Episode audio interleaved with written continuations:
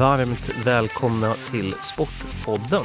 Mitt namn är Johan Ågren och jag ska i dagens avsnitt intervjua två elitidrottare om hur coronapandemin har haft en inverkan på deras respektive idrotter. För det har varit ett besynnerligt år i idrottens värld. Det har blandats och getts en del om det ska genomföras tävlingar, om det ens ska vara möjligt att träna i grupp och om publik ska kunna bevittna deras insatser och eventuella framgångar. Olivia Veuro tillhör den absoluta eliten inom simning i Finland och hon berättar hur det här året har skilt sig från ett normalt och vanligt år. Det som kanske mest har varit annorlunda är att vi inte har kunnat träna hela året som vanligt. Vi har haft mycket träningar som liksom har kompenserat för simningen när vi inte har kunnat vara i simhallarna och eh, mycket mer landträning än normalt. Men när började ni att träna på land? Var det redan i mars när corona kom? Eh, ja, vi var faktiskt på läger i Teneriffa när allting liksom började stänga ner och så. Eh, så att vi hamnade för det första i karantän när vi kom hem. Och sen direkt efter det då så började vi träna på land. Vad innebär landträning då? Vi har mest sprungit.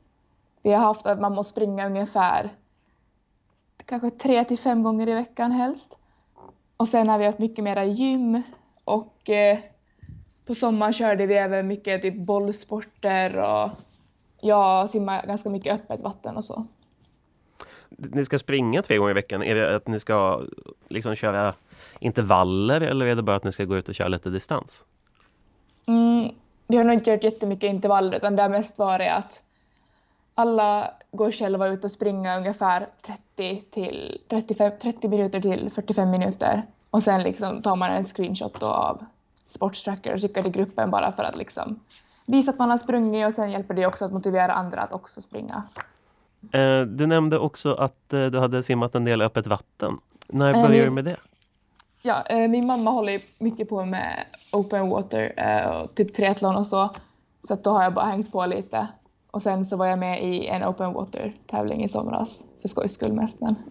När började du hoppa i bassängen igen då? För jag gissar att det inte var någonting under sommarhalvåret.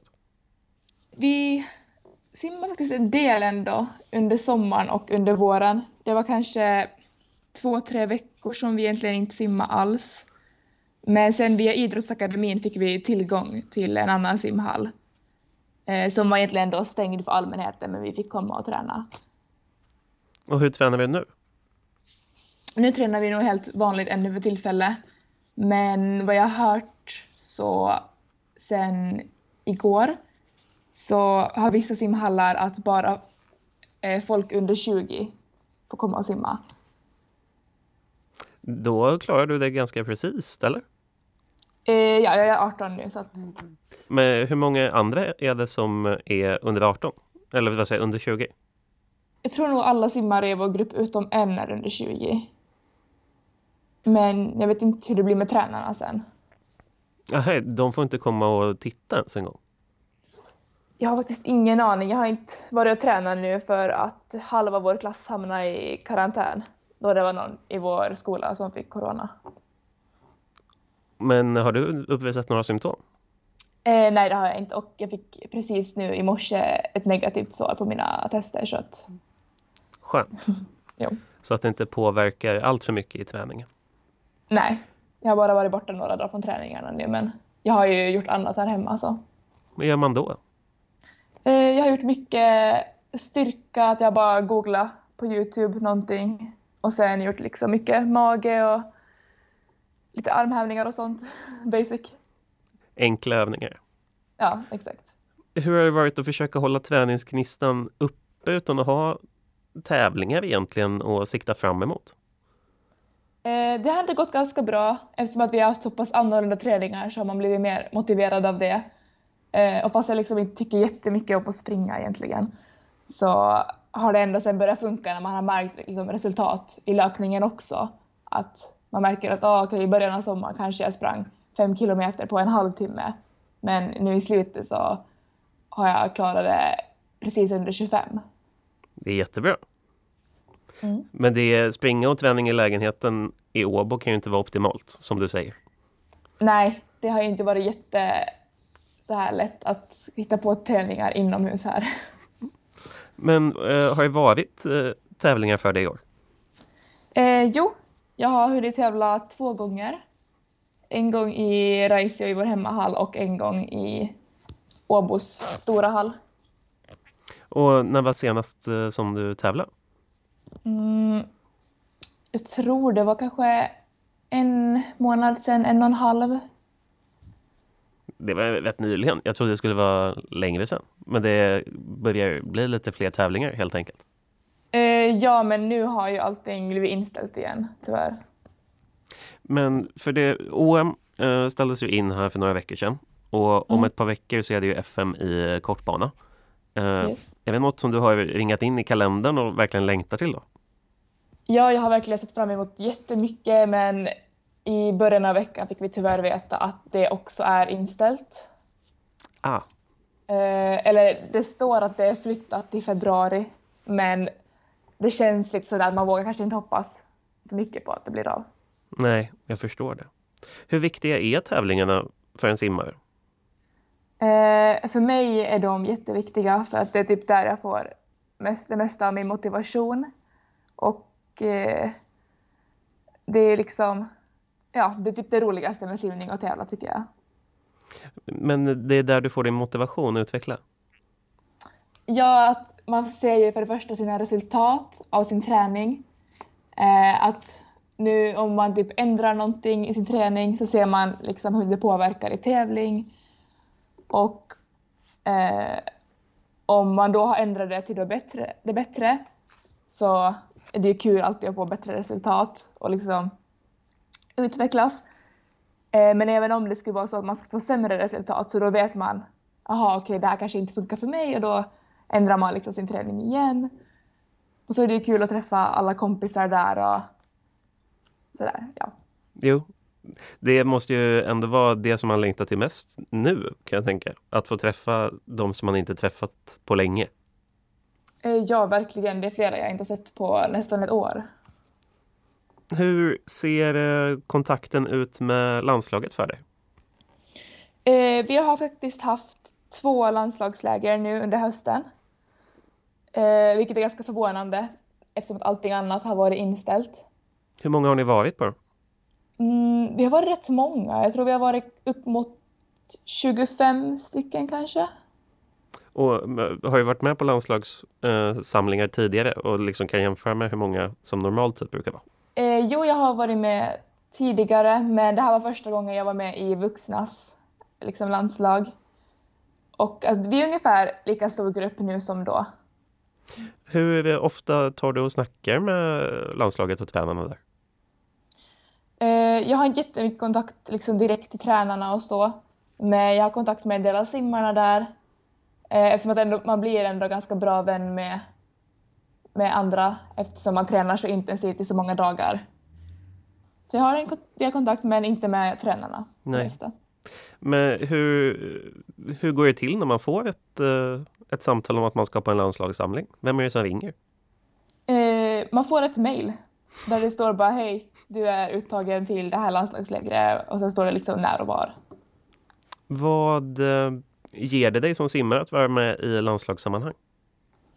Eh, det ger jättemycket, särskilt nu den här säsongen när det inte har varit så mycket annat så har det gett jättemycket motivation och eh, det är liksom jätteinspirerande att se andra simmare att även fast nästan ingen gör eller ingen tävlar och så så ser man ändå hur alla kämpar på och så lär man sig alltid något nytt där. Ofta har vi någon föreläsning att de tar in olika personer och så kommer de att berätta vad de gör och sen så har vi mycket mental träning och sånt.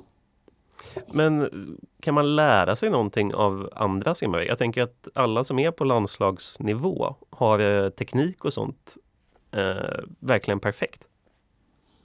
Eh, jag skulle inte säga att alla har perfekt teknik. Vi har ofta en teknikanalys varje läger där de kommer och filmar och sen så går man på ett samtal där de berättar att ja, du ska kunna förbättra det här och det här.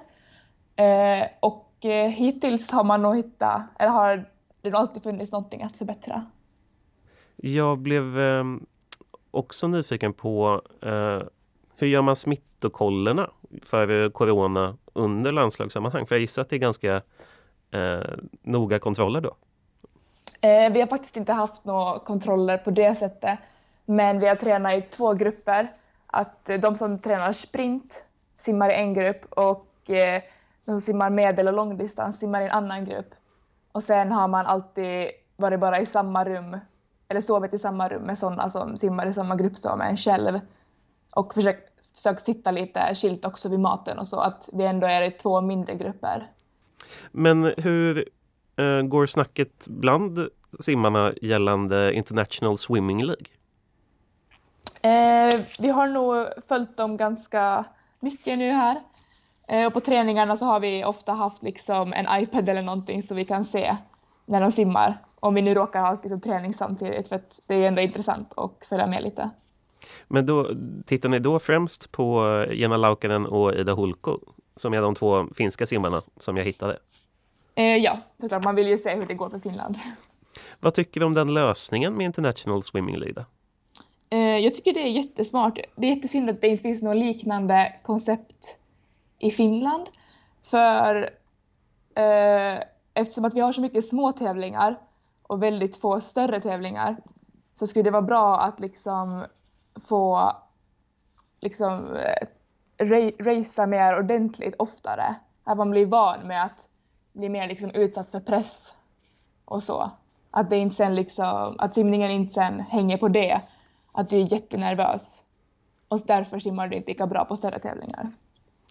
Eh, jag vill bara också påminna lyssnarna för de som kanske inte är medvetna om det att eh, International Swimming League, ISL, det är en mixad lagtävling i kortbana, en 25 meters bassäng där eh, tio lag tar och möts i matcher och samlar poäng. Grundserien avgörs i mellan oktober och november och därefter så tar sig de åtta bästa lagen vidare till en semifinal och de fyra bästa lagen därifrån tävlar sen i finalen helt enkelt. Hur går den uttagningen till? Eh, jag har faktiskt inte jättemycket koll på hur allting går till där. Eh, jag har försökt hänga med lite men jag har mest fokuserat på att kolla liksom lite tider och vem som får poäng och sådär. Men hur långt ifrån är du att ta dig in dit om du bara tittar på tider? Eh, det är nog en bit ännu. Men det, det är något eftersträvansvärt att ta sig till International Swimming League då? Ja, det skulle vara jättekul att någon dag få simma där också, jo. Vad händer för dig nu i framtiden? Eh, just nu är väl sikte på FM i februari, eh, om det nu blir av. mm. Eh, och sen planen är väl att jag ska försöka kvala till EM nästa år. Och när är de uttagningarna? De skulle ju ha börjat nu då till FM i december. Men jag har faktiskt ingen aning nu om de är flyttade eller om de fortfarande är öppna. Eller vad som har hänt med dem. Hur ser dina chanser ut skulle du säga? Eh, de ser nog ganska bra ut. På 200 frisim är jag ungefär tre tiondelar ifrån C-kval. Men det räcker inte bara med att få C-kval utan Eh, man måste bli uttagen också av Suomen Uimalito, Finlands simförbund. Det sa simmerskan Olivia Veuro. Vi ska röra oss över Östersjön från Finland till Sverige och ge oss in på volleyboll. För i Uppsala så spelar Edvard Nordlund och laget gick inför säsongen upp till Sveriges högsta division, Elitserien. Edvard förklarar hur coronan har påverkat hans och volleybollens år. Uh, det har nog varit annorlunda på, på många sätt. Uh, inte, bara, inte bara volleybollen såklart, men, men i allmänhet. Och så är det ju för alla. Men uh, ja, jag tror ändå att, att vara student just nu är, är faktiskt helt okej. Plugget går på distans och det, det funkar bra. och, och som tur så, så kan vi fortfarande i alla fall spela volleyboll. Sen så vet man aldrig riktigt vad som händer. Det, det kommer snabba besked. Uh, men man får ta, ta en dag i taget och en match, match i taget och så. Hur påverkades volleybollen när corona kom? Uh, så det var ju redan förra säsongen som påverkade, påverkades av det. Uh, och då spelade jag också med Uppsala. Vi var då i division 1 och hade vunnit serien. Vi vann alla matcher där i division 1 och, och, och, var riktigt taggade på att kvala upp till elitserien då. För det var väl det som var liksom planen hela, hela, hela det året. Eh, och sen så vart ju kvalet då och, och slutspelet i elitserien också. Allting inställt. Eh, och då var det ju lite nervös eh, tid där som vi väntar på om får vi överhuvudtaget uh, stiga eller, eller hamnar vi kvar nu när vi inte fick kvala? Men sen kom, kom beslutet att alla får, får stiga och de satte inte ner någon egentligen. Och det var några lag som drog sig ur elitserien också, så därför, därför även om vi steg och, och Floby också som är ett annat division 1-lag som nu spelar i elitserien så, uh, så är det tio lag som vanligt i elitserien. Uh, så, så det var riktigt skönt när det beslutet kom. Men, men det var redan då i, i fjol som, som det började påverkas. Sen, sen så hade det varit i princip uh, hela, det här, hela den här säsongen. Jag tänker att vi kommer återkomma till eh, satsningen som Uppsala gjorde från division 1 till elitserien. Men eh, ändrades träningarna för er i Uppsala eller vad hände där rent eh, coronamässigt? Uh, nah, det är mer att vi, vi tänker på liksom att hålla avstånd. Vi har handsprit som alla måste uh, liksom ta innan, innan man rör bollar och sätter upp nät och sånt. Vi har en tränare som är, eh, är i riskgruppen så han håller liksom avstånd och coachar lite, coachar lite mer från läktaren och så och kan inte riktigt komma med på, på bortamatcher och allt, eh, allt sånt liksom. Så, så det är nog flera, eh, flera grejer som påverkar. Men, men framför allt att vi försöker hålla avstånd när, när det inte är en boll som spelas. Liksom. Alltid när vi tar vatten och, och, och, och snackar före och efter träning så försöker vi minimera liksom, eh, kontakter med varandra. Ja, för jag, jag, tänker att det är rätt svårt på en volleybollplan när man ändå är sex spelare där på en sida och, och hålla avstånd. Precis, när, när, när ett rally sker liksom, så då, då är det ju som vanligt med volleyboll. Liksom. Det, det går inte att, att tänka på att hålla en avstånd då. Men man kan ju försöka minimera de situationer som det går i alla fall. Men det är klart, det är inte, det är inte så lätt alltid. Men har du behövt träna mer på egen hand under det här året, under sommarhalvåret då till exempel? Uh, Ja, alltså under sommaren så då, då är ju inomhusvolleybollen som nedstängd. Att vi hade, när, när, när det bröt ut i våras och kvalet och allt ställdes in, då, då, då liksom stängdes allting ner. Uh, så, så under sommaren då var det egentligen bara att, att fysträna och gymma liksom på egen hand och sen så, uh, så då, då kan man passa det bra att spela lite beachvolley istället. Och där är man ju bara två uh, på var sida och det är utomhus också, så det är ju betydligt mer coronavänligt liksom.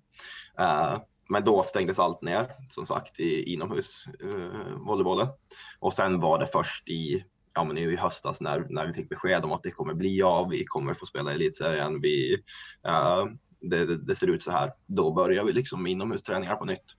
Eh, och, och sen dess hade det nog varit de träningar som vi har tänkt oss. Eh, bara det att det har varit lite speciellt. Eh, Uppstyrt. Då.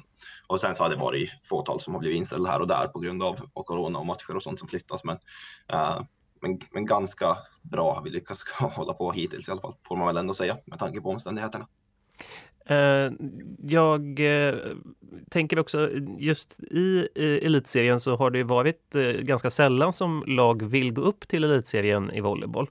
Eh, och det, det var ändå en satsning från Uppsalas sida. Hur gick snacket i eh, truppen och i Uppsala när man gjorde den satsningen? Jag tror att det var faktiskt var många som var väldigt taggade på att se Uppsala i elitserien på nytt. Det var 15 år sedan de var där tidigare och har ju för länge sedan varit, varit en riktigt bra eh, volleybollstad. Eh, och, och, det finns mycket bra, bra spelare här och så.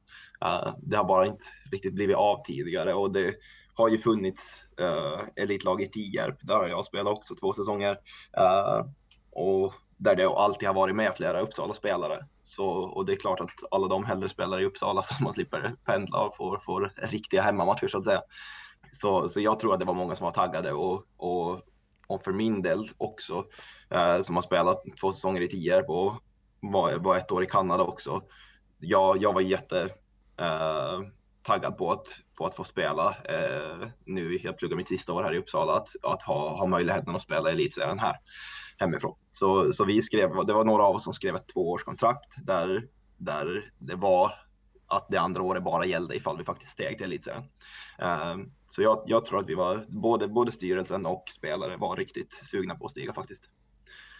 Du nämnde det här lite tidigare, men när jag tittade igenom elitserien så verkar det som att det varit rätt kontinuerligt med seriespel. Men har, har det varit då att den varit eh, fri från publik på matcherna eller hur har det sett ut? Ja, precis, det har varierat lite. Först var det den här allmänna 50 personers eh, publikgränsen som har varit i, i Sverige. Um, och då så fick klubbar själv välja om man, man hade det eller inte.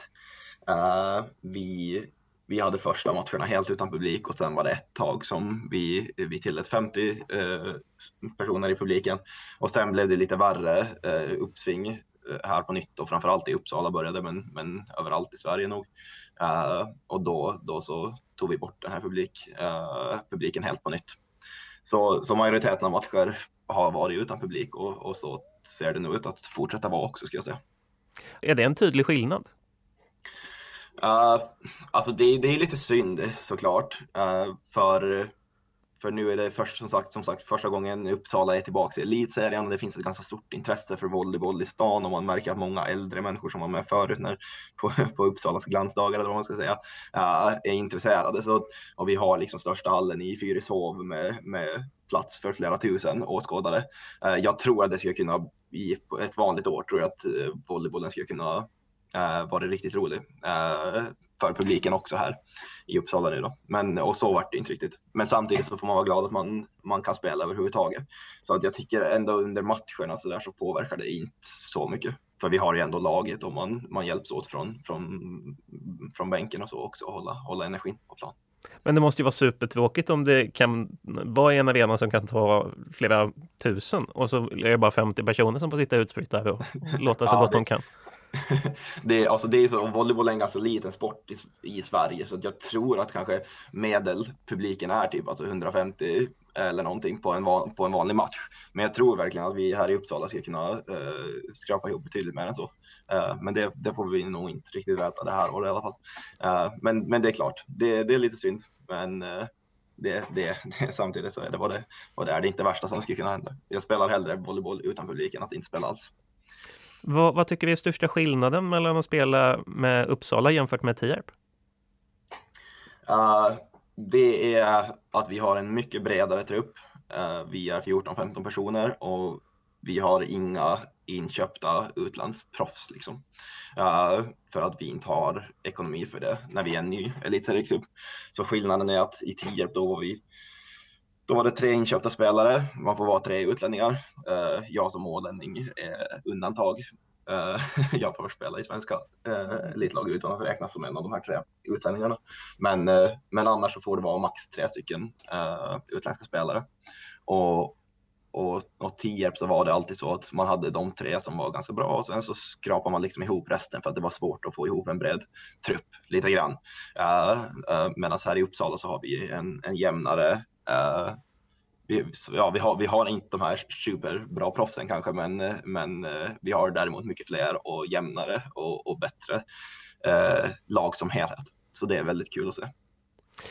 Jag blir ju nyfiken på, räknas du inte till de här utländska spelarna för att du är ålänning eller inkluderas det hela Finland?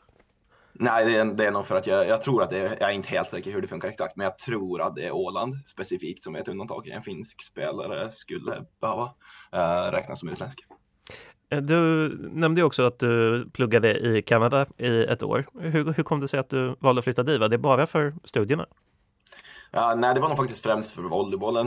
Uh, jag pluggar uh, civilingenjör i energisystem här i Uppsala och när jag åkte dit så hade jag precis tagit min kandidat. Jag hade pluggat tre år uh, och så kände jag att det skulle vara kul med kul att testa på något nytt och åka utomlands eh, och gärna, gärna spela volleyboll på, på hög nivå om möjligt.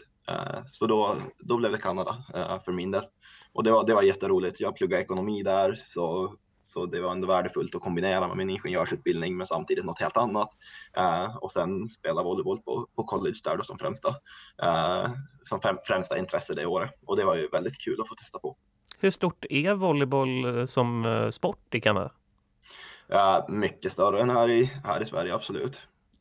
där var det liksom college-matcher på fredag och lördag kväll och alltid fullsatt med publik, liksom alla från skolan som kommer och kollar och, och, och andra också. Så, att, så att det, var, det var väldigt roligt på det viset där. Hur hjälpte det dig i din utveckling? Ja, jättemycket tror jag. Det var, alltså, det var roligt att vara där och det, det ställdes höga krav på en. Uh, och uh, uh, i efterhand så, så tycker jag att det har, har varit jättelärorikt. Du har också gjort en kanonsäsong nu med Uppsala och du är en av Uppsalas absolut främsta poängplockare. Vad är det som har gjort att det blivit en bra säsong för din del?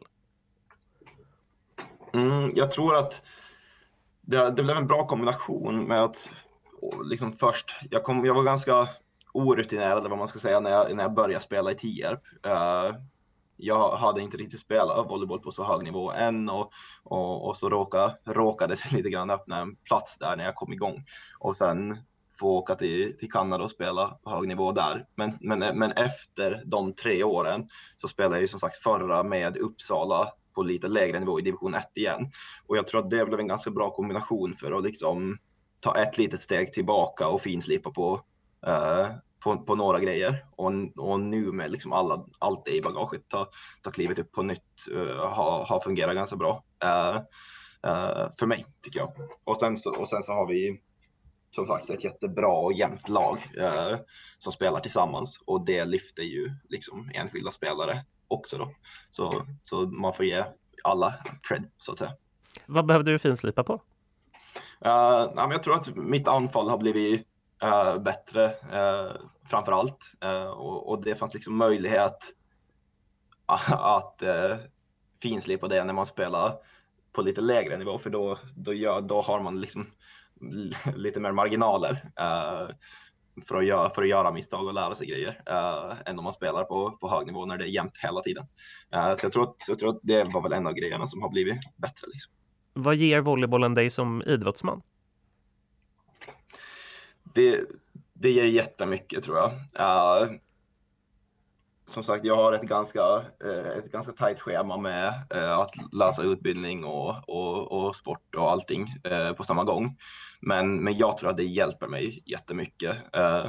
För att spela volleyboll, det aktiverar mig också inom liksom min, min fysträning och, och, och mitt gym. Och, och att vara aktiv i gymmet, liksom, det ger mig Eh, energi och, och orka med, med, med studier också. Liksom. Så, så jag känner ofta att jag kan prestera bättre när jag tränar mycket, även om jag har mindre tid på mitt schema för att, för att det hjälper mig. Liksom. Uh, och, och volleybollen motiverar mig jättemycket att fortsätta träna. För om jag inte hade sporten så vet jag inte om jag skulle orka liksom fysträna lika mycket heller. Uh, så, och sen så är det ju fantastiskt att få vara del av ett, ett, ett bra lag liksom också. Och det har ju varit väldigt skönt att ha ett lag liksom att ändå umgås med nu under de här eh, speciella tiderna. Så, och sen så är ju volleyboll en fantastiskt rolig sport också och man njuter ju varje gång man spelar. Så att nej, volleyboll är jätteviktigt för mig. När du säger att du tränar mycket fys, jag tänker inte att det ska vara så mycket fys. Det, då utgår jag bara från min skolgymnastik där jag körde baggerslag. Så det är liksom inte, jag är inte på någon nivå. Men eh, hur mycket fys är det i volleyboll? Alltså det, det beror på Nej, det är, väl, det är väl ganska personligt också hur man, ja, ja, som sagt för mig är det viktigt. Uh, så jag skulle säga att jag tränar mer uh, i, i gym än majoriteten av volleybollspelare kanske. Men, uh, men det är jätteviktigt för, av flera orsaker. För dels om man ska hoppa högt och slå hårt så, så är, är det viktigt. Men, men sen är det också att kroppen håller så mycket bättre för det slitage liksom, som man utsätter sig för när man tränar fyra gånger i veckan och har matcher en till två gånger i veckan. Uh, det är mycket hopp och, och, det sliter på knäna och det sliter på axeln att hålla på och smasha på bollar. Uh, och om man inte har muskler som stabiliserar de delarna då, då, då är det svårt att orka spela uh, elitvolleyboll liksom fem säsonger i rad. Men vad, ska du fortsätta att satsa på volleybollen eller vad, vad kommer hända efter det här året när du då har studerat klart också? Ja, det är en jättebra fråga faktiskt. Uh, jag vet faktiskt inte exakt uh, vad som händer. Uh, så här, volleyboll har ju, plugget har ju alltid gått först uh, ändå. Det, det känns ju viktigare i längden att ta en, en, en vettig utbildning än att spela volleyboll på hög nivå. Men samtidigt så är det ju väldigt, väldigt roligt att spela volleyboll på så hög nivå som möjligt. Uh, och, och, den möjligheten finns ju inte riktigt hemma på Åland till exempel. Men, men samtidigt så, ja, som det här året har varit så vet man inte riktigt vad som händer uh, kommande heller. Så det beror på jättemånga faktorer vad, vad man kan få tag på för jobb och, och, och om man vill fortsätta satsa på volleyboll eller inte. Och så, där. så det kan jag inte riktigt svara på än. Men uh, vill du flytta hem till Åland? Ja, i framtiden är det alltså absolut ett, ett alternativ om vi säger så. Ja. Men eh, om du skulle då få fortsätta med volleybollen, vill du vara kvar i Sverige eller vill du röra dig utomlands? Uh, alltså jag spelar ju nu uh, och testar på liksom i Kanada och fick testa på att vara utomlands. Och det var ju väldigt roligt. Så det, det är klart att så här, uh, om det skulle dyka upp någon chans att, att, att testa någon annanstans utomlands också, det, det, är klart att det skulle vara roligt. Men sen så vet jag inte hur verklighetstroget det är så att säga. Liksom. Uh, volleyboll är, är, en ganska liten sport i Sverige som sagt, så att även om man är, är duktig här i elitserien betyder det inte att man kan spela på jättehög nivå i Europa så att säga. Uh, att, att den nivån jag kan spela på, jag tror inte att det är liksom uh, det är ingenting man skulle, jag skulle kunna försöka satsa på som yrkesliv. Liksom. Det berättade volleybollspelaren Edvard Nordlund. Och det här det var denna veckans avsnitt av Sportpodden i Ålands Radio med mig Johan Ågren. Tack för att du lyssnat!